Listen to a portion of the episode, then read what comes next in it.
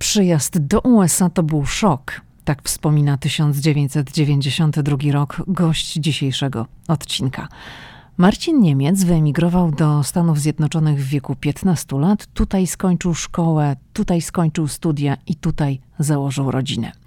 Dziś jest inżynierem specjalizującym się w projektowaniu instrumentów medycznych. Po pracy Marcin tańczy w PKM Polish Folk Dance Ensemble w Filadelfii. W odcinku rozmawiamy m.in. o początkach w Ameryce, o wychodzeniu ze swojej strefy komfortu, o występach w grupie specjalizującej się w tańcach ludowych, a także o stanie Pensylwania, który mojemu rozmówcy kojarzy się w niektórych obszarach z Polską, którą opuścił 30 lat wcześniej.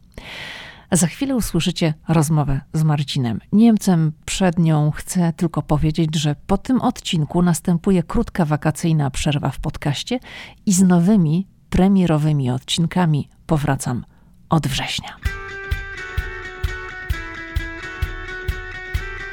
Hej, tu Lidia Krawczuk, dziewczyna ze Szczecina, która wylądowała w Waszyngtonie. Ameryka mnie fascynuje, żyję w niej od ponad dekady i cały czas ją odkrywam. Podróż do Stanów Zjednoczonych była zawsze moim marzeniem.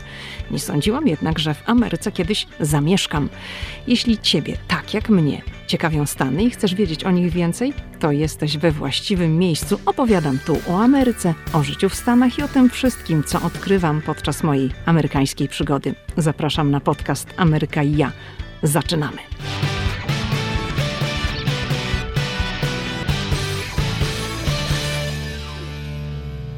Cześć Marcin.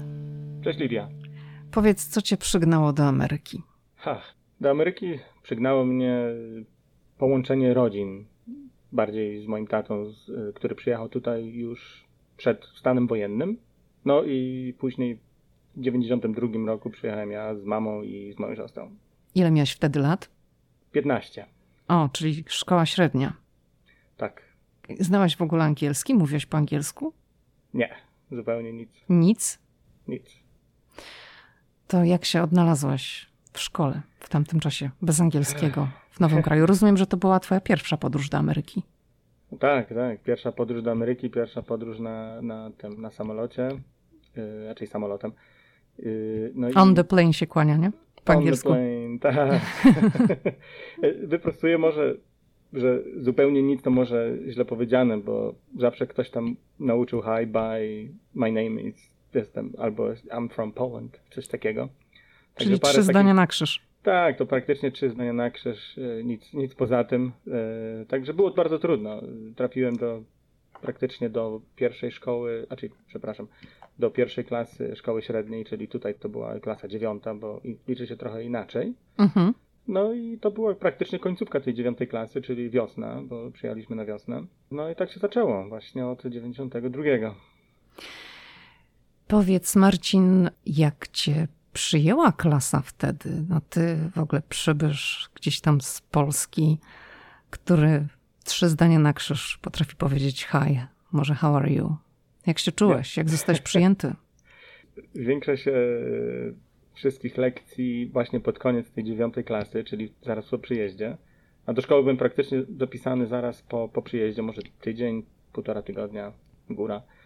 E, czyli właśnie od końca marca do początku czerwca chodziłem do tej szkoły i właśnie to polegało akurat na tym, że szkoła, do której trafiłem, miała taki specjalny program dla przyjezdnych e, z innych krajów i właśnie tam w tym programie, który mieli właśnie w tej szkole średniej, polegało to na tym, żeby jak najwięcej nas nauczyć właśnie języka angielskiego. Czyli polegało to na tym, że ja mając po prostu w zasobie trzy słowa na krzyż, y, byłem oprócz WF-u cały dzień praktycznie w tej jednej klasie uczyłem się angielskiego od podstaw.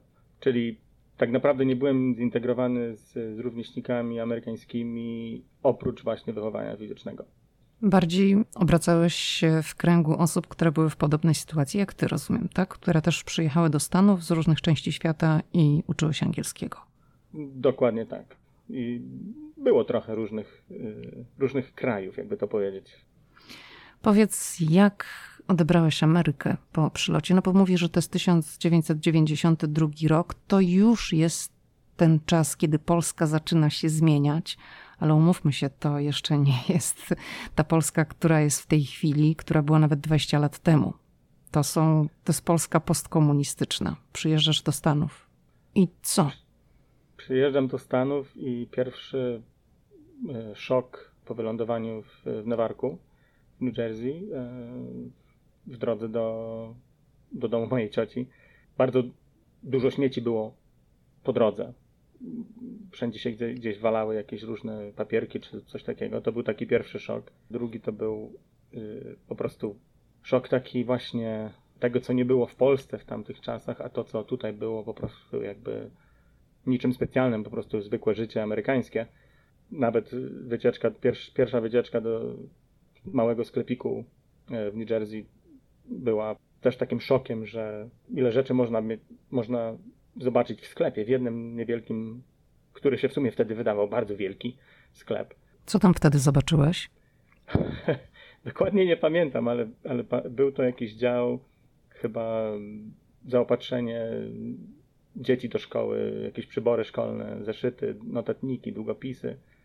Jakoś nie, nie mogło do mnie to y, dotrzeć, że można mieć aż tyle tego na, na półkach różnego koloru, różnego rodzaju długopisy, nie wiadomo co jeszcze, y, różnego rodzaju zeszyty. Po prostu przepych jakby. Kiedy nastąpił ten moment, gdy zacząłeś się już tak pewniej czuć językowo i no gdzieś tam wychodzić z tej swojej strefy komfortu, bo, bo, rozumiem, że po przylocie chodziłeś do szkoły, ale no byłeś otoczony głównie bliskimi, rodziną i tymi osobami, które znałeś kiedy nastąpiła ta taka zmiana, że, że zacząłeś wychodzić poza? Bo pewnie to nastąpiło właśnie w momencie, gdy no, twoje predyspozycje językowe były inne. Yy, tak, tak. Na początku oczywiście to było yy, takie jakby dziwne, nie, nie dając sobie rady, nie mając tej możliwości, żeby się z kimś normalnie dogadać, yy, albo nie być w stanie zrozumieć tego, co w telewizji nawet było co do strefy komfortu, to może było może około dwóch lat. Ciężko tak naprawdę ocenić, bo ten czas tak szybko zleciał. Od następnego roku szkolnego, po tym właśnie pierwszym, y, szkoła ogólnie, system szkolny próbował nas wdrażać stopniowo właśnie do, do różnych innych jeszcze klas, właśnie z, z rówieśnikami już amerykańskimi, gdzie no, nie mieliśmy wyjścia, tylko musieliśmy próbować sobie dać radę, zrozumieć to, co jest w tych klasach, lekcjach, przedmiotach yy, uczone. I po prostu tak powoli, kiedy to było połączone właśnie z tą klasą specjalną, gdzie uczyli nas tylko angielskiego, po, po prostu tak jakoś powoli się zaczęliśmy wdrażać. Znaczy ja mówię o sobie, ale to mówię też o rówieśnikach, z którymi wtedy byłem, bo było ich sporo trochę właśnie w takim samym, w takiej samej sytuacji jak moja yy, i mniej więcej w podobnym wieku. No i po prostu tak z czasem stopniowo dodawali nam tych klas z rówieśnikami amerykańskimi, żeby po prostu już jakoś sobie bardziej bardziej radzić do, do tego momentu, że w ostatniej klasie szkoły średniej wszystkie przedmioty już miałem z rówieśnikami. Czyli już nie, nie uczęszczałem do tej specjalnej klasy angielskiego i już musiałem sobie radzić sam. Czyli wdrażanie trwało dwa lata, i ostatni rok był już na pełnych obrotach amerykańskich. Czy to był ten moment, kiedy ty uznałaś, że chcesz w życiu być inżynierem, bo dzisiaj jesteś inżynierem i o twojej pracy będziemy jeszcze rozmawiać, ale czy to właśnie wtedy, jak kończyłeś szkołę średnią, high school, w tym amerykańskim systemie edukacji, to wtedy już wiedziałeś, że chcesz pójść w tą stronę, czy studia i to, co ty chcesz studiować, bo wiemy, że też w Ameryce to ten system funkcjonuje inaczej troszeczkę i na początku człowiek tak ten pierwszy rok to się zastanawia na studiach tak naprawdę, co chce robić, ale kiedy u ciebie się pojawiła ta myśl, że ty będziesz inżynierem? Pomysłów miałem kilka yy, na początku. To, co spowodowało, że wybrałem inżynierię, to była taka dorywcza, półetatowa praca, yy, którą miałem przez lato, czy na przykład weekendy i ta praca właśnie polegała na produkcji różnego rodzaju produktów z tworzyw sztucznych i to mnie zaciekawiło. W sumie tam, gdzie mieszkałem wtedy, to też było takim jakby cichym zagłębiem produkcji właśnie produktów z tworzyw sztucznych. Więc to też mnie zaciekawiło. Był to bardzo, bardzo lubiłem tą pracę dorywczą, bo była bardzo urozmaicona różnymi funkcjami. No i właśnie w sumie ta praca bardziej tak spowodowała, że poszedłem właśnie na, w tym kierunku na studia. Czyli po szkole średniej jeszcze troszeczkę pracowałeś, tak? Była przerwa i dopiero poszedłeś na studia, czy, czy od razu studiowałeś? Y, po szkole średniej miałem przerwę pół roku i zacząłem y, studia od wiosny, pół roku po skończeniu e, szkoły średniej. Czyli tak praktycznie z marszu. To nie była jakaś wieloletnia przerwa, tylko od tak. razu była ta edukacja na poziomie koledżu. Tak, tak, krótka przerwa. Marcin, a czy jak przyjechałeś do Stanów, to czy no dorabiałeś sobie, gdzieś pracowałeś, czy, czy po prostu tylko byłeś skupiony na nauce? Kiedy, kiedy już było lato, skończyła się szkoła, była przerwa, oczywiście byłem zainteresowany dorobieniem sobie czegoś, bo oczywiście w Polsce, będąc e, fanatykiem e, muzyki różnego rodzaju, byłem też e, fanatykiem różnego rodzaju sprzętów grających i w jakimś katalogu gdzieś kolega coś pewnego razu przytargał i zobaczyłem wieżę Technicsa. Myślę sobie, kiedyś muszę to mieć, bo po prostu pięknie to wyglądało, wspaniałe. I właśnie po przyjeździe tutaj, po paru miesiącach, y, kiedy w czerwcu już właśnie skończyła się szkoła, y, dostałem pracę, pierwszą w życiu płatną pracę y, w sklepie spożywczym, gdzie na tamte czasy nawet byłem zachwycony tym, co zarabiałem.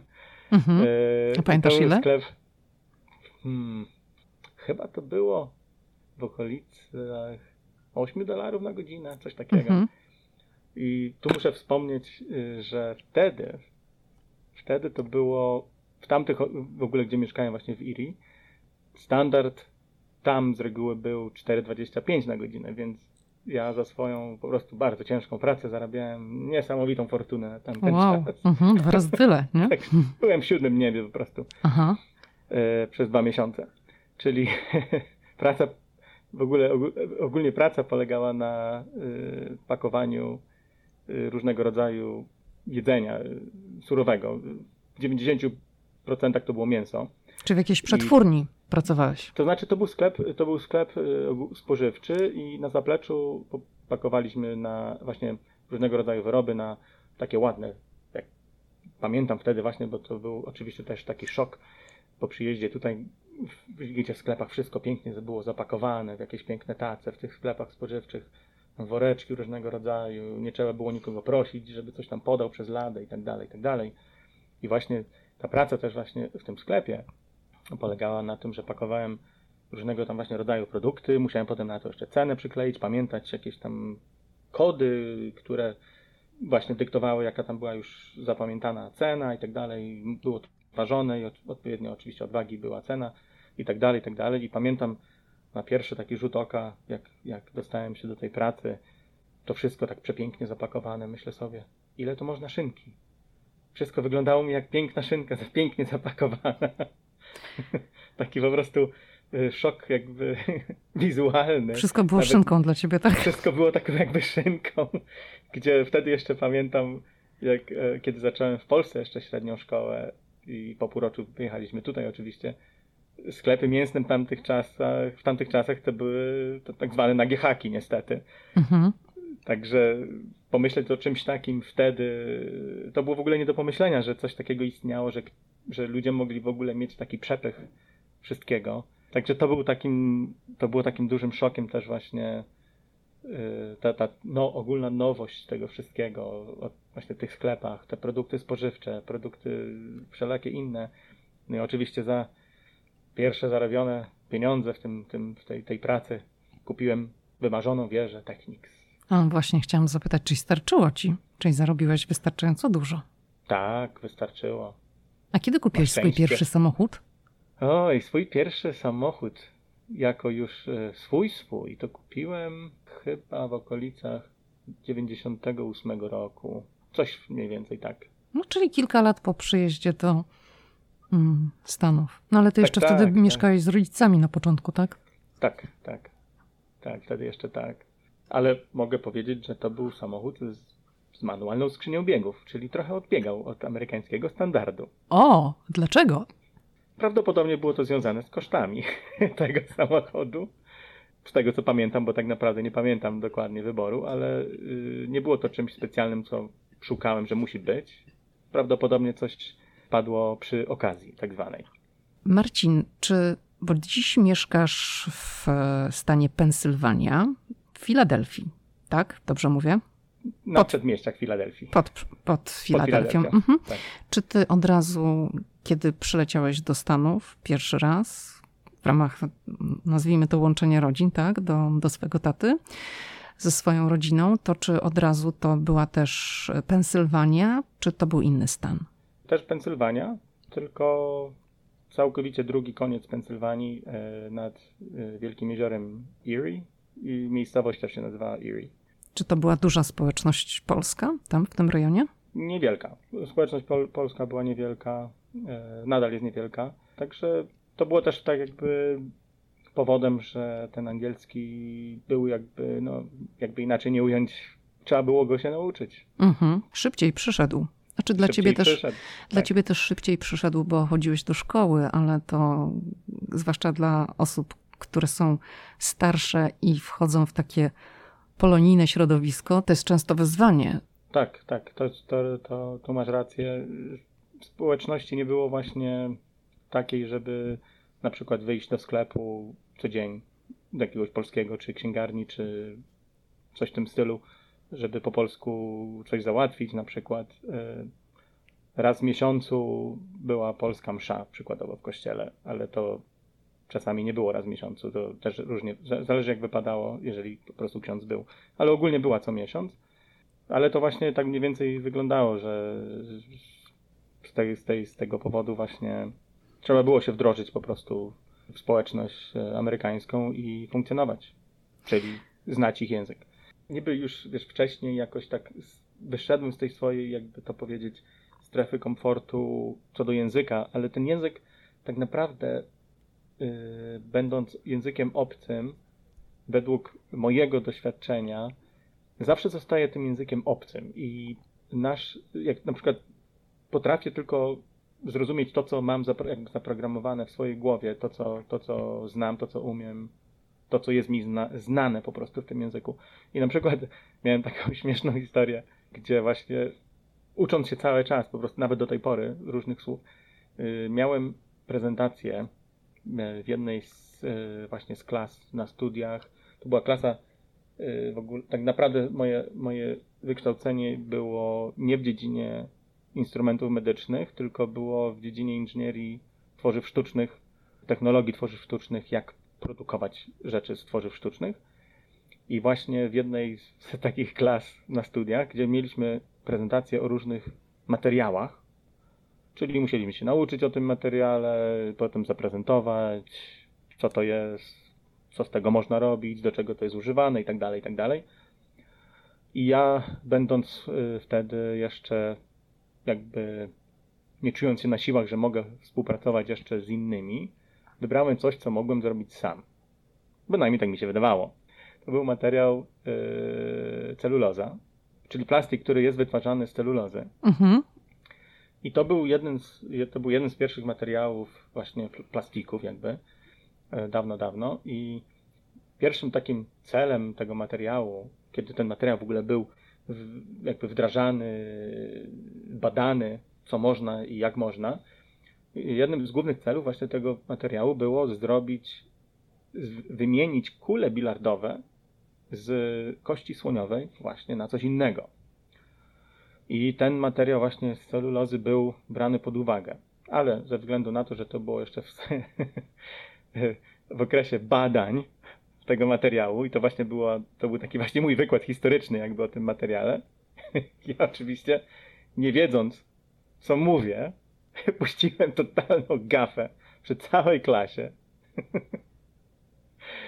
że człowiek, już nie pamiętam po nazwiska e, właśnie tego, e, który pracował nad tym materiałem, że podczas próby uderzenia właśnie z tych kul, te kule po prostu mu wybuchły, jakby eksplodowały. Mhm. A ja oczywiście nie wiedząc o czym mówię, po angielsku przez całej klasie mówię, że his balls exploded.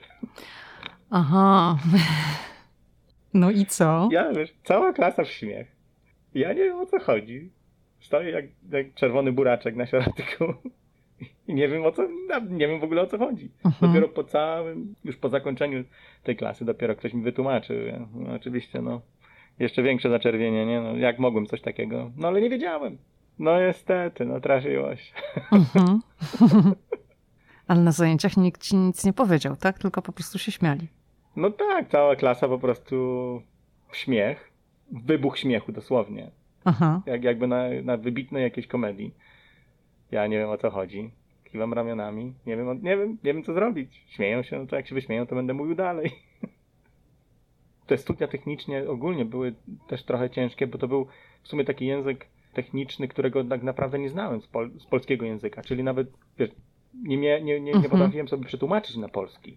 Czyli uczyłem się wielu pojęć w języku angielskim i definicje ich znałem tylko po angielsku, czyli nie było tutaj tłumaczenia.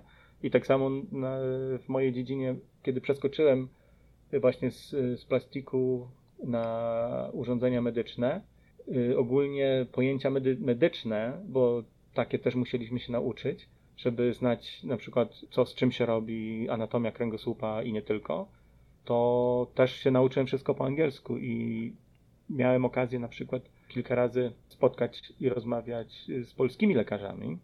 I to było w, e, w firmach, kiedy pracowałem w innych firmach, nie w, te, nie w tej co teraz. I tam właśnie mieli dystrybucję też w Polsce. I na przykład przyjeżdżali lekarze na szkolenia różnego rodzaju do naszej firmy i rozmawialiśmy po polsku oczywiście, gdzie niejednokrotnie ja się właśnie pytałem, o czym oni mówili, albo niektóre słowa co znaczą, te medyczne bardziej, bo po prostu nie wiedziałem, jakie jest y, Mhm. znaczenie słów angielskich albo słów polskich. Znaczy, one angielskie znałem, ale nie znałem tych polskich odpowiedników po prostu. Także to było też takie trudne do wyjaśnienia komuś po polsku tego, co nie wiem, jak to jest po polsku. Tak z mojego Czasami. doświadczenia, jak rozmawiam z różnymi ludźmi, którzy działają tu w różnych branżach w Stanach, to, to częste zjawisko, że, że tak się dzieje. Jeżeli ktoś się specjalizuje w jakiejś branży i się wyszkolił w tej branży tutaj w Stanach, no to często nie zna tych polskich odpowiedników. Dobrze to wiedzieć, że tak, tacy też są. Mhm. myślałem, że to jest takie trochę, znaczy swojego czasu, myślałem, że to jest takie bardziej unikalne, właśnie medycyna, medycyna i tak dalej, ale no masz rację, bo to taki ktoś jak ja, który przyjechał tutaj akurat w takim przedziale wiekowym, że nie, nie wszystko wiedzieliśmy z Polski, ale uczymy się właśnie tego wszystkiego teraz po angielsku, no to właśnie nie będziemy tego mieć. No to chcę ci powiedzieć, że nie jesteś jedyny, że to jak właśnie ludzie też, którzy zdobywali tutaj wykształcenie, mówię już to takie na poziomie akademickim, i, Mhm. ale, ale nie mieli tego wykształcenia w Polsce, nie studiowali tego swojego konkretnego kierunku w Polsce, tylko tutaj, no to też często im się zdarza, że trudno im złapać jakieś słowo, nie znają polskich odpowiedników, bo, bo ta edukacja odbywała się po angielsku. I tutaj. No właśnie, ma to sens, ma to sens. Marcin, z której części Polski ty pochodzisz? E, Pochodzę z Podkarpacia, y, z okolic Rzeszowa. Dobrze, to teraz chciałabym porozmawiać o Twojej pracy, bo wiemy, że jesteś inżynierem, ale inżynieria to jest szerokie pojęcie. To powiedz nam, czym dokładnie się zajmujesz. Y, Dokładnie zajmuję się inżynierią produktów e, medycznych, jeszcze bardziej precyzyjnie ortopedią e, kręgosłupa, czyli tworzę nowe technologie do operacji kręgosłupa. W tej chwili głównie instrumenty, ale w przeszłości też implanty. Czy Amerykanie mają duże problemy z kręgosłupem? Czy to jest y, dobry rynek? Tak, tak. Jest, no niestety tak, dużo ludzi ma problemy z kręgosłupem. Jest to dobry rynek, jest też dużo firm, które tym się zajmują, więc pracy nie brakuje. No i na nieszczęście pacjentów też nie brakuje, no ale po to w sumie my jesteśmy, żeby ludziom pomagać, żeby mogli z powrotem wracać do zdrowia, do pracy. Mhm, to powiedz tak dokładnie, co Ty robisz? Co Ty powiedziałeś, że projektujesz? To, to na czym to polega? Tworzenie nowych technologii w, tym, w tej dziedzinie kręgosłupa, ortopedii, czy w sumie jakiejkolwiek medycznej, z reguły polega na tym, że jest to współpraca z, z lekarzem, z ortopedą, z ekspertem właśnie od, w tej dziedzinie od, z punktu widzenia medycznego i moja praca polega na tym, że przy tej współpracy po prostu jesteśmy jakby odpowiedzią na potrzebę lekarza, na potrzebę pacjenta, na zmieniające się po prostu jakby technologie albo styl, w jakim się operuje, jak się operuje y, i po prostu właśnie my jesteśmy tą odpowiedzią na, na ich potrzeby, wdrażając nowe właśnie technologie służące pacjentom przede wszystkim, to jest zawsze pierwsze i lekarzowi, który im w tym pomaga, żeby to zdrowie wróciło. A powiedz, co to znaczy projektowanie instrumentów? Masz na myśli narzędzia do operacji, czy bo nie bardzo tak, rozumiem? Tak, tak. W moim przypadku to są narzędzia, do, które służą do operacji przy, właśnie przy kręgosłupie. Plus implanty. Plus implanty. W tej chwili nie robię implantów, yy, to znaczy nie, nie, nie, nie wdrażam yy, nowych technologii co do implantów, a kiedyś w przeszłości w innych firmach też się tym zajmowałem. Czyli tu mówimy na przykład implant biodra, czy coś takiego, tak? To znaczy moja dziedzina jest... Y, kręgosłup, tak? Bardzo wąska, tak. To jest y, kręgosłup. Czyli mhm. tak, implanty, które, które mogą na przykład wymienić zapadający się dysk albo coś w tym stylu. Czy takie rzeczy w Stanach są drogie? Znaczy generalnie opieka medyczna i tego typu rzeczy są bardzo drogie, ale tak z perspektywy pacjenta ubezpieczonego.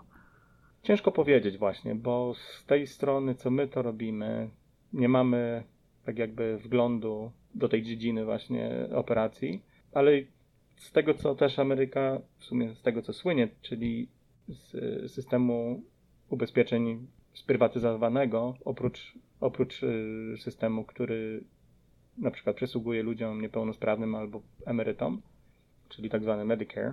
I te ceny właśnie y, są zależnie od szpitala, zależnie od ubezpieczalni, mogą być bardzo różne w całym kraju. Więc na przykład nie można powiedzieć, że jest jakaś jedna cena. To jest e, indywidualnie negocjowane, ustalane między szpitalami albo tak zwanymi grupami, jakby systemami szpitalnymi.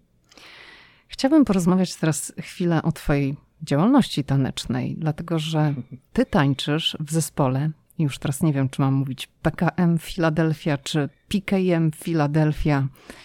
Jak mam mówić? PKM czy PKM? Poprawnie po angielsku nazywamy się PKM, Polish Folk Dance Ensemble.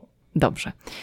To powiedz, skąd się to wzięło, że ty tańczysz, bo zacząłeś tańczyć w dorosłym życiu. Nie tańczyłeś od dziecka i na pewno nie tańczyłeś zaraz po przylocie do Stanów Zjednoczonych w zespole ludowym, folkowym, nie wiem właściwie, jak powinnam powiedzieć. Ludowym. Ludowym. Mhm. Ludowym. Zacząłem tańczyć od 2015 roku. E, było to całkiem czystym przypadkiem, a muzyka jakby folkowa, jakby to w ten sposób ująć, e, zawsze miałem jakiś, e, nie to, że to była moja jakaś ulubiona muzyka, ale nie tego, nie, nie wiem jak to ująć. Grała ci w duszy? Coś grało, tak, ale, ale, tak jak mówię, że nie było to, nie było to e, czymś, że to jest po prostu to moje coś, że tylko tym żyję. E, lubiłem, znaczy lubię do tej pory bardzo, bardzo urozmaiconą muzykę różnych, różnych rodzajów, ale zawsze coś tam było właśnie z tym folklorem. Przez czysty przypadek, y, będąc w Domu Polskim w Filadelfii, to była jesień 2015 roku, zostałem po prostu przypadkowo przechwycony przez ten zespół i powiedziałem tak, oczywiście spróbuję, przyjdę następny piątek na próbę. No i tak przechodzę od tamtego roku. Od Ale poczekaj, tamtego... to musiałeś chyba tam wywijać nieźle na tym parkiecie, skoro oni cię przechwycili. nie, nie było właśnie wywijania. To był e, występ zespołu e, studenckiego z Wrocławia, na który przybyłem, żeby zobaczyć, e, co mają do zaprezentowania. Występ był bardzo fajny bardzo mi się podobał. Po występie był krótki warsztat, gdzie właśnie osoby z tego zespołu pokazywały różne po prostu kroki. Zaczęli nas uczyć y, poloneza, gdzie tak y, naprawdę to był mój pierwszy raz, kiedy kiedykolwiek w życiu tańczyłem poloneza i to akurat było w Domu Polskim w Filadelfii, y, dlatego że w Polsce nie miałem okazji być na studniówce. Także od, tem, od tamtej pory po prostu zaproponowali, czy nie, to mówię o ludziach zespołu właśnie, mówię o 2015 roku, czy chciałbym spróbować dołączyć do, do, do zespołu.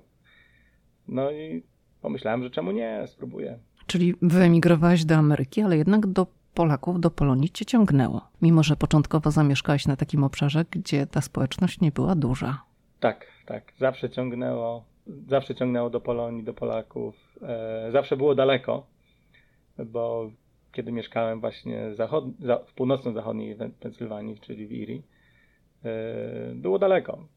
Może najczęściej odwiedzanym miastem z większym zgromadzeniem właśnie Polonii to było Toronto w Kanadzie, ale to było około 3-3,5 godziny jazdy no i przekroczenie granicy między państwami. Także zawsze ciągnęło i tutaj w, w, przy, pod Filadelfią też, też ciągnęło do Polonii, ale właśnie nigdy nie miałem okazji albo szansy mieszkać między Polonią, więc zawsze gdzieś dojeżdżam do Polonii. A jak myślisz, dlaczego cię ciągnęło? Czy to znaczy, że nie potrafiłeś się jednak tak w pełni zintegrować z tym amerykańskim środowiskiem, mimo że skończyłeś studia, mimo że pracujesz w amerykańskiej firmie, no, funkcjonujesz w tym środowisku amerykańskim, to jednak ciągnie cię do Polonii. Dlaczego? Hmm. Tak naprawdę nie, nigdy się nad tym nie, do tego stopnia nie zastanawiałem, ale, ale myślę, że to jest e, związane z, z tym, że mając 15 lat, już byłem tak jakby zakorzeniony w Polsce, że jednak y, żyłem tą Polską po przyjeździe. Brakowało języka, brakowało naszych tradycji.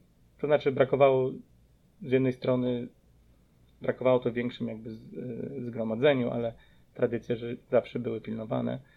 Ale po prostu taki, nie wiem nawet czy to można nazwać sentymentem, zawsze taka, taka więź do, do tego, co nasze, do, Polski, do po prostu do tej naszej polskości, do, do tego, kim jesteśmy. A miałeś gdzieś tam jakiś żal do rodziców, że cię wyrwali z Polski? Że cię tak po prostu przesadzili? To bo najpierw tata, potem mama i ty dołączyliście? Nie, nie miałem nigdy jakiegoś specjalnie żalu. Od początku próbowałem zrobić z każdej sytuacji najlepszą sytuację, jaką się da i po prostu czerpać to, co najlepsze i dawać siebie to, co najlepsze.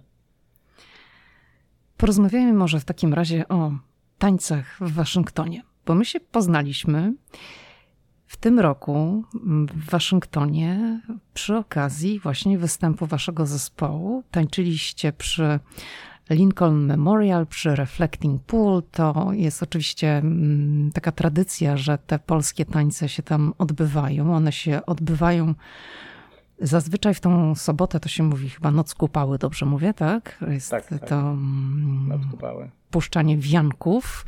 Tak. Oczywiście tutaj było takie puszczanie wianków symboliczne, dlatego że do Reflecting Pool nie można wpuścić wianków, a więc było takie ułożenie wianków tuż przy krawędzi tego basenu. No i wtedy tam się poznaliśmy. No i dzisiaj nagrywamy podcast. Powiedz, mm, Dlaczego, a może nie dlaczego, jak to się dzieje, że właśnie grupy taneczne przyjeżdżają co roku do Waszyngtonu i, i tańczą, zachęcając mieszkańców, turystów, którzy akurat w tym miejscu przebywają, to jest zawsze sobota, do, do wspólnej zabawy i wspólnego poloneza, który czasem no, jest zabawnie, jak obcokrajowcy próbują tańczyć poloneza, którego w życiu nigdy nie tańczyli, w ogóle nie słyszeli o nim, ale jednak tam no, robią co mogą, żeby nadążać za krokami. Nasze przyjazdy do Waszyngtonu są w sumie taką naszą małą tradycją już naszego zespołu. Odkąd byliśmy zaproszeni, jak dobrze pamiętam, chyba w 2018 roku. No i oczywiście przez 2019, znaczy przepraszam, 20 y, nie byliśmy, bo ze względów wiadomych y, dużo rzeczy było, dużo imprez i różnego rodzaju y, takich właśnie nawet plenerowych imprez było odwołanych, a przyjeżdżamy po to właśnie, żeby pokazać naszą część naszej kultury, bo to jest tylko jej częścią właśnie nasze tańce. Staramy się zaprezentować, zależy jak, jak, jak się program układa, trzy, cztery e, tańce. No i tańce są oczywiście pomieszane z narodowymi i regionalnymi, ale to też zależy właśnie od programu. E, historycznie byliśmy zapraszani właśnie od nie, nie, nie, niedawna, ale było, było to zawsze z jakimś innym zespołem, który też właśnie robiliśmy koordynację, jak będziemy tańczyć, jakie będą występy. A podstawą jest właśnie jakby pro, propagowanie właśnie tej, tej części naszej kultury, naszych tańców, naszych strojów, które, które mamy. Staramy się zaprezentować dwa, czasami trzy, zależnie też właśnie od programu, te stroje i właśnie też zachęcić ludzi, żeby trochę skosztowali tych naszych tańców, zapraszając e, na sam koniec wszystkich zgromadzonych do Poloneza. Wygląda to zabawnie, bardzo fajnie, moim zdaniem.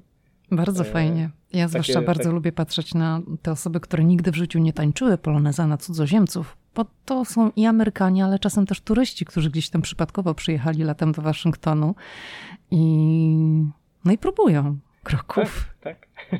Hindusi, w ogóle wiesz, z jakichś innych kultur ludzie. Całkowicie, przypad całkowicie przypadkowi turyści, którzy tak po prostu byli w tym miejscu, nie wiedzieli, że będzie ten festiwal, bo nie jest za bardzo rozgłośniony. Jest po prostu dla nich zaskoczeniem, ale z tego co widziałem od kilku lat, odkąd tam jesteśmy, wszyscy z wielkim zadowoleniem próbują tych kroków i podążają za nami. Z reguły ktoś z naszego zespołu albo z zespołu, który przyjeżdża z nami, prowadzimy poloneza. Jest tego fajna zabawa.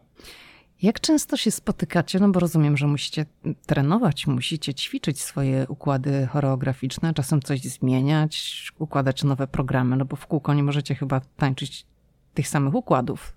Spotykamy się co piątek, mhm. właśnie w naszym domu polskim w Filadelfii. Czasami robimy przerwy, to zależy jak, jak po prostu wszystko się układa. Próbujemy się jak najbardziej nauczyć coś nowego. Nie jest to zawsze łatwe, ale zawsze staramy się też pielęgnować to, co już mamy w repertuarze i to, co nasi poprzednicy też pielęgnowali, żeby ten zespół po prostu miał. Y, także staramy się utrzymać to, co jest i zawsze próbujemy coś nowego. Albo jeżeli to nie jest coś całkiem nowe, to na przykład odświeżamy coś, co kiedyś zespół y, prezentował, co może w tej chwili nie być prezentowane i odświeżamy coś właśnie z tego repertuaru. No i oczywiście też dopasowujemy to do kostiumów, które właśnie mamy, o które też musimy dbać. No i tak to mniej więcej wygląda. Czy finansowanie tej całej grupy, bo grupa liczy się tam około 20 osób, o ile ja się orientuję, czy wy macie jakiegoś sponsora, czy sami się finansujecie? Jak, jak to wygląda? Finansowanie jest y, różne. Jesteśmy, jesteśmy grupą tak zwaną non-profitową od w sumie niedawna. E, nasza grupa jest tak naprawdę już e, dosyć wiekowa. Została założona w 1915 roku jako klub studencki i ten klub studencki z czasem się zmienił bodajże gdzieś w okolicach 1960 roku na klub, który też właśnie tańczył i od tamtej pory ta część funkcjonuje. Oczywiście to przez lata było wiele razy zmieniane i tak samo jak e, wielu ludzi, czy przychodziło, odchodziło, ciągle coś, coś, e, coś jest. Ale od tamtej pory staramy się właśnie pielęgnować tą część taneczną i tak jak wspomniałem właśnie wcześniej, od dosyć niedawna jesteśmy non-profitem, e, czyli będziemy bardziej próbowali rozwijać się w tej części właśnie funduszy, czy po prostu jakieś granty, czy coś w tym stylu właśnie, co będzie może dostępne do naszej, dla naszej grupy, ale też czerpiemy, inna część jakby finansowa jest z naszych występów, które czasami są opłacane, czasami nie są opłacane, to zależnie właśnie też od sytuacji, a występujemy praktycznie gdzie, gdzie jesteśmy zaproszeni. I to jest od, y, może to być parada, zawsze jesteśmy na paradzie Pułackiego w Filadelfii, na wielkim festiwalu polsko-amerykańskim w amerykańskiej Częstochowie w Doylestown w Pensylwanii i w ciągu roku trafiają się nam jeszcze inne imprezy, gdzie jesteśmy zapraszani, gdzie prezentujemy właśnie nasze polskie tańce. A jak sądzisz, czy taki zespół ma przyszłość? No nie wiem, czy właśnie mm, ta Polonia albo Amerykanie polskiego pochodzenia, urodzeni już tutaj, którzy wsiąkają w to amerykańskie życie, w amerykańskie środowisko, czy oni będą zainteresowani w partycypowaniu w takim zespole, w uczeniu się tańca i kultywowania tej polskiej tradycji? To jest zawsze takim cichym jakby problemem, może niekoniecznie problemem, ale takim cichym tematem właśnie co dalej i czy będą właśnie chętni, y, żeby z nami tańczyć. Tutaj właśnie będziemy w sumie cały czas się staramy, żeby y, zdobyć nowych ludzi, którzy będą chętni przychodzić właśnie do nas co piątek, ćwiczyć z nami. Czasami wydaje się to niezbyt, niezbyt łatwe, fizycznie wymagające też właśnie na próbach, y, żeby temu dać radę, ale stopniowo jakoś się nam udaje, żeby, żeby, żeby mieć na tyle ludzi właśnie, żeby gdzieś pojechać z zespołem, pokazać, zademonstrować, zatańczyć. Yy. Bo chyba większość członków zespołu to są ludzie tak no, w średnim wieku powiedzmy, prawda? Mniej więcej tak, tak. Mhm. Mamy duże urozmaicenie, urozmaicenie wiekowe, ale ogólnie to zgadzam się i, i zawsze, zawsze jakoś od, historycznie Zawsze nam brakuje chłopaków. Myślisz, że to dlatego, że no może mężczyźni mniej chętnie chcą się udzielać w takich zespołach? Naprawdę nie wiem, ale słyszałem też od innych grup, że, że to jest taki ogólnie znany właśnie problem z chłopakami, żeby, żeby właśnie zdobyć tancerzy. Jakieś Chłopaków. bonusy musicie wprowadzić, nie wiem, na Chyba zachętę. tak. A powiedz, czy wy tańczycie też na przykład na weselach, na jakichś imprezach prywatnych? Tak, tak. Tańczymy na weselach, na imprezach prywatnych, tańczymy na imprezach publicznych, e, tak jak wcześniej wspomniałem właśnie, na paradach, e, festiwalach, e, ale też na, mogą być to czyjeś urodziny albo rocznica ślubu na przykład, albo cokolwiek to może być. Czyli to cokolwiek... są już takie imprezy dla Polonii, tak? Tak. I niektóre są prywatnymi imprezami. A powiedz, bo no jak wiesz, żyjesz w Ameryce od lat, to wiesz, że Amerykanie z reguły są tacy ciekawi pewnych rzeczy. Jak widzą coś pierwszy raz, coś nowego, coś czego nie znają, to zadają pytania. To jakie pytania zadają w odniesieniu do zespołu, kiedy, kiedy widzą takie występy w strojach ludowych? Nie pamiętam takich specyficznych pytań, ale często się zdarza, że są komentarze odnośnie naszych strojów, kostiumów, że są kolorowe, piękne, że się pięknie demonstrują, kiedy tańczymy, kiedy na przykład nasze, nasze tancerki, kiedy się kręcą, jak te stroje się układają. Z reguły to są, z tego co mogę sięgnąć pamięcią, to komentarze bardziej w tym kierunku. Albo, że piękne układy, że się im podobało, że jak, jak, jak nasza koordynacja na przykład się układa, albo że na przykład y, bardzo dynamiczne tańce, że na, musimy być zmęczeni na pewno. A jesteście? Niejednokrotnie tak. Koszule przemoczone. Okej. Okay. Słuchaj, chciałam jeszcze z Tobą porozmawiać o życiu w stanie Pensylwania i może też e, o życiu w Filadelfii i na przedmieściach Filadelfii. Czy Ty lubisz ten stan i czy lubisz to miasto? Hmm, czy ja lubię ten stan? W sumie to jest jedyny stan, w którym mieszkam, ale udało mi się odwiedzić yy, no już sporo w sumie tych stanów tu, tu w Ameryce. Mhm. Z mojego doświadczenia mieszkając tu, podróżując w, in, w inne części Stanów Zjednoczonych, czasami ten stan mi się wydawał trochę śmieszny albo dziwny, że taki nawet, jakby to nawet sięgnąć do czasów yy, polskich, kiedy jeszcze byłem młody, taki nawet coś w stylu półkomunistyczny. O, stan półkomunistyczny. To rozwiń to, proszę bardzo, bardzo ciekawie to brzmi. Czyli taka, taka ciekawa kontrola, kiedy już byłem na tyle e, dorosły, żeby na przykład e, mieć jakby, to inaczej nie ująć, pozwolenie lub prawo kupienia tutaj alkoholu, czyli e, tu w Stanach Zjednoczonych 21 lat. Mhm, ale to nie tylko w Pensylwanii, tak? No w większości tak, tak, stanów tak, tak to, to wygląda. Stanów, mhm. Tak, tak to na przykład okazuje się, że za tamtych mniej więcej jeszcze czasów, właśnie lata 90., w sumie nawet to jeszcze nie było 90., to jeszcze były 90., 2000, gdzie na przykład y, alkohol był bardzo kontrolowany tylko właśnie przez stan Pensylwania i oni byli jedynym jakby dystrybutorem, nie, nie, to, nie to, że dystrybutorem, ale sprzedawcą alkoholu y, w stanie Pensylwania i to jest alkohol począwszy od wina i na, o cięższych jeszcze trunkach. I to właśnie wydawało mi się takie śmieszne, że nie można tego jak na przykład w Polsce pójść na stację benzynową i kupić sobie jedno piwo albo coś takiego. No to ogólnie w Stanach tak mm, to no raczej właśnie. tak nie ma, ale Pensylwania właśnie jest takim stanem. Ja nie byłam już za trzy lata w Pensylwanii, ale zawsze jak byłam wcześniej, to pamiętam, że w sklepie spożywczym, tak jak u mnie w Virginii, no to możesz kupić piwo, wino w sklepie spożywczym, wysokoprocentowe alkohole, no to musisz iść do ABC Store, żeby kupić wysokoprocentowy alkohol, ale piwo, wino możesz kupić w supermarkecie. W Pensylwanii trzeba było jechać do sklepu z alkoholem, żeby kupić butelkę wina czy piwo. Tak, tak, tak, zgadza się. Tak dokładnie było. E, dopiero niedawna, kilku lat dosłownie, e, było to zmienione właśnie.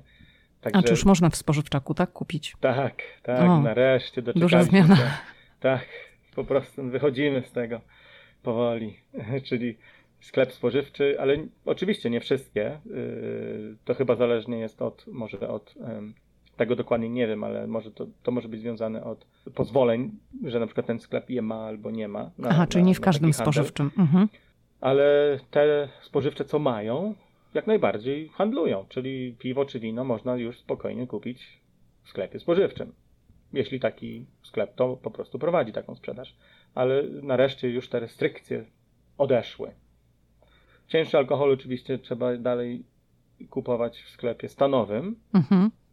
Ale też zmienili z czasem trochę nazwę tych sklepów, żeby trochę zabawniej to brzmiało. Kiedyś to był po prostu jakby sklep tylko monopolowy w, w, w takim jakby znaczeniu, a w dzisiejszych czasach jest to nazwany fine spirits, czyli jakby lekkość ducha, nawet nie wiem jak dokładnie to powiedzieć, ale mhm. E, słowo spirit to może być właśnie albo alkohol, albo, albo, albo, albo duchowość. Duchowość, tak. Mhm. A słuchaj, a jeszcze jest taka jedna rzecz, właśnie mi się od razu kojarzy ze stanem Pensylwania, bo pamiętam jak byłam mm, właśnie, no chyba ostatni raz ze trzy lata temu i tam się spotkałam z moją znajomą i byliśmy w takim sushi barze, czy w restauracji, która podawała sushi. I ona mi zwróciła uwagę na to, że ktoś po prostu sobie przyniósł swoje wino do restauracji. Mówię, co to jest, jak to swoje wino, bo tam nie było w karcie, że można było sobie wino. No i okazało się, że to jest właśnie coś, co się nazywa bring your own bottle, bus or, or beer, czyli przynieść swoją butelkę, no takie tam jakieś bas, nie wiem nawet jak to przetłumaczyć do końca, no tak, żeby się, wiesz, bąbelki mm, nabuzować alkoholem albo swoje piwo, tak? I nie wiem, czy to, to chyba jest też w kilku innych stanach, ale to było w Pensylwanii, to dalej obowiązuje? Tak, niektóre restauracje działają w ten sposób, że klient może przynieść swój alkohol. Oni mogą podać yy, szklanki, cokolwiek, cokolwiek pasuje do tego alkoholu, który jest przyniesiony. I można go wtedy sobie spożywać z, yy, z jedzeniem, które jest zamówione właśnie u nich. Ale to rozumiem, są takie restauracje, które nie prowadzą sprzedaży swojego alkoholu. Tak, tak. To są restauracje, które nie mają pozwolenia, żeby takie coś prowadzić, ale jeżeli ktoś przyniesie swój, jak najbardziej można go spożywać. Chodziłeś czasem do restauracji ze swoją butelką? Zdarzało ci się? Dawniej mi się zdarzyło. Mm-hmm. Nie, no to nic złego. nie jak często. Nie, nie to nic często. złego, jak wiesz, jak nie możesz w restauracji zamówić sobie wiem, wina, piwa idziesz, ale to dla mnie to było, powiem ci szczerze, takie zaskakujące, że po prostu przychodzisz, wyciągasz sobie swoją własną buteleczkę i mówisz do pani, to jeszcze dwa kieliszeczki poprosimy tutaj dla nas. po prostu. Dla mnie, dla mnie też to było zaskakujące, kiedy, kiedy odkryłem to oczywiście mając odpowiedni wiek, mhm. żeby, żeby, kiedy mogłem już takie coś y, robić. Takie mi się to wydawało właśnie dziwno ciekawe, ale z drugiej strony patrząc, czemu nie? Jeżeli na przykład ktoś ma ulubiony swój alkohol, to nie musi zgadywać albo martwić się, czy taki będzie dostępny, po prostu przyniesie ten, co lubi. A powiedz, um, czy jest jeszcze coś poza tą kontrolą stanu w kwestii sprzedaży alkoholu, co kojarzy ci się tak jak powiedziałaś, użyłeś takiego słowa z dawną Polską, taką komunistyczną. Aha, bo kojarzy ci się dlatego, że wtedy tam był, ale widzisz, w Polsce było od 13 alkohol. Tutaj tylko w wyznaczonych punktach był, był taki okres. Ale już mm, odchodząc od alkoholu, czy jest jeszcze coś takiego, co właśnie sprawia, że masz poczucie, że to jest taki stan trochę mm, pseudokomunistyczny? Ogólnie to, to chyba już poza tym to raczej nie, ale zawsze na przykład e, ogólnie w Stanach Zjednoczonych podziwiam, e, do tej pory podziwiam, a szczególnie podziwiam, kiedy e, zdarzy mi się wyjechać do Polski i wrócić.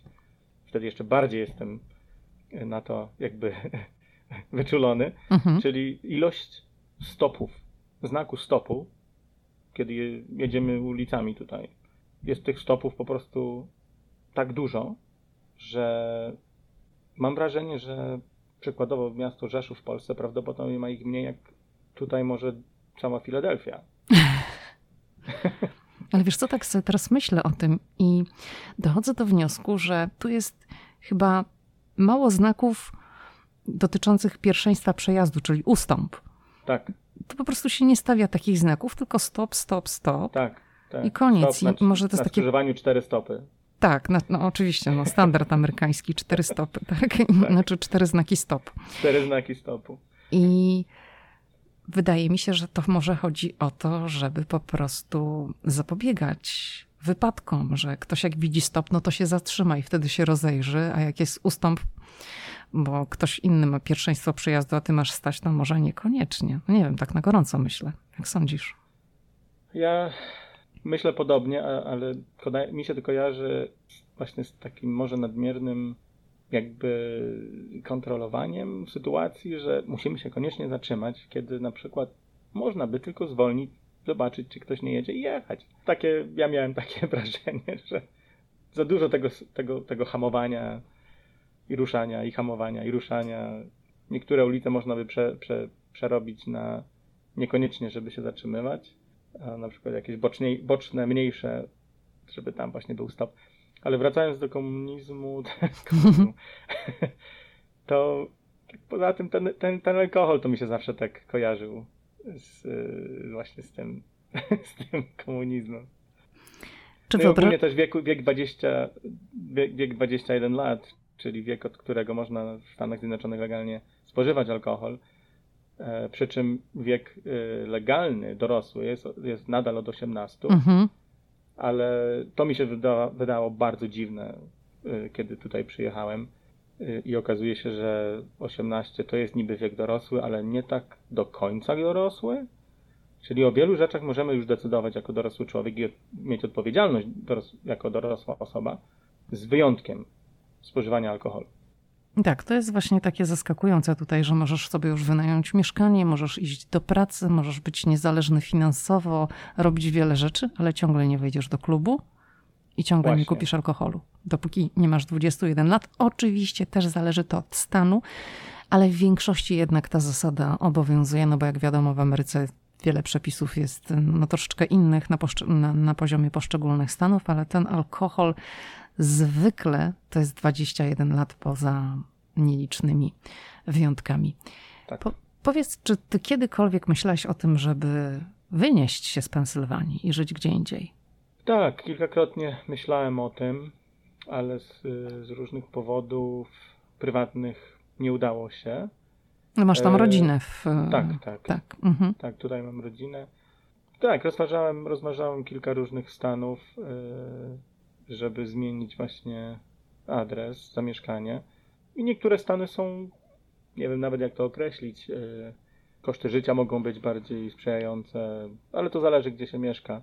Ale ogólnie, ogólnie te, plany były związane z, e, z podjęciem pracy właśnie w innym miejscu. No i te plany po prostu nie doszły do skutków, ale tak, oczywiście myślałem e, nad tym. Może jeszcze ta chwila nadejdzie. A myślę, że właśnie jak już twoje dzieci wiesz, wyfruną w świat, pójdą na studia, to jest taka opcja, że jak zmienisz? Najbardziej jest, mhm. Jak najbardziej jest taka opcja. Który stan byłby takim wymarzonym dla ciebie?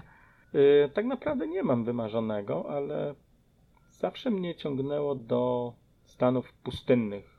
yy, czyli Arizony, Nevada gdzieś, Nevady, tak? Mhm. Nowy Meksyk. Kalifornia też, ale byłem w Kalifornii kilka razy, w sumie sporo razy. Yy, i- Ty mówisz o redukowaniu kosztów życia i chcesz do Kalifornii? Nie, to właśnie dlatego miałem, miałem wspomnieć, że nie, raczej pod tym względem raczej nie, odpada. Okej.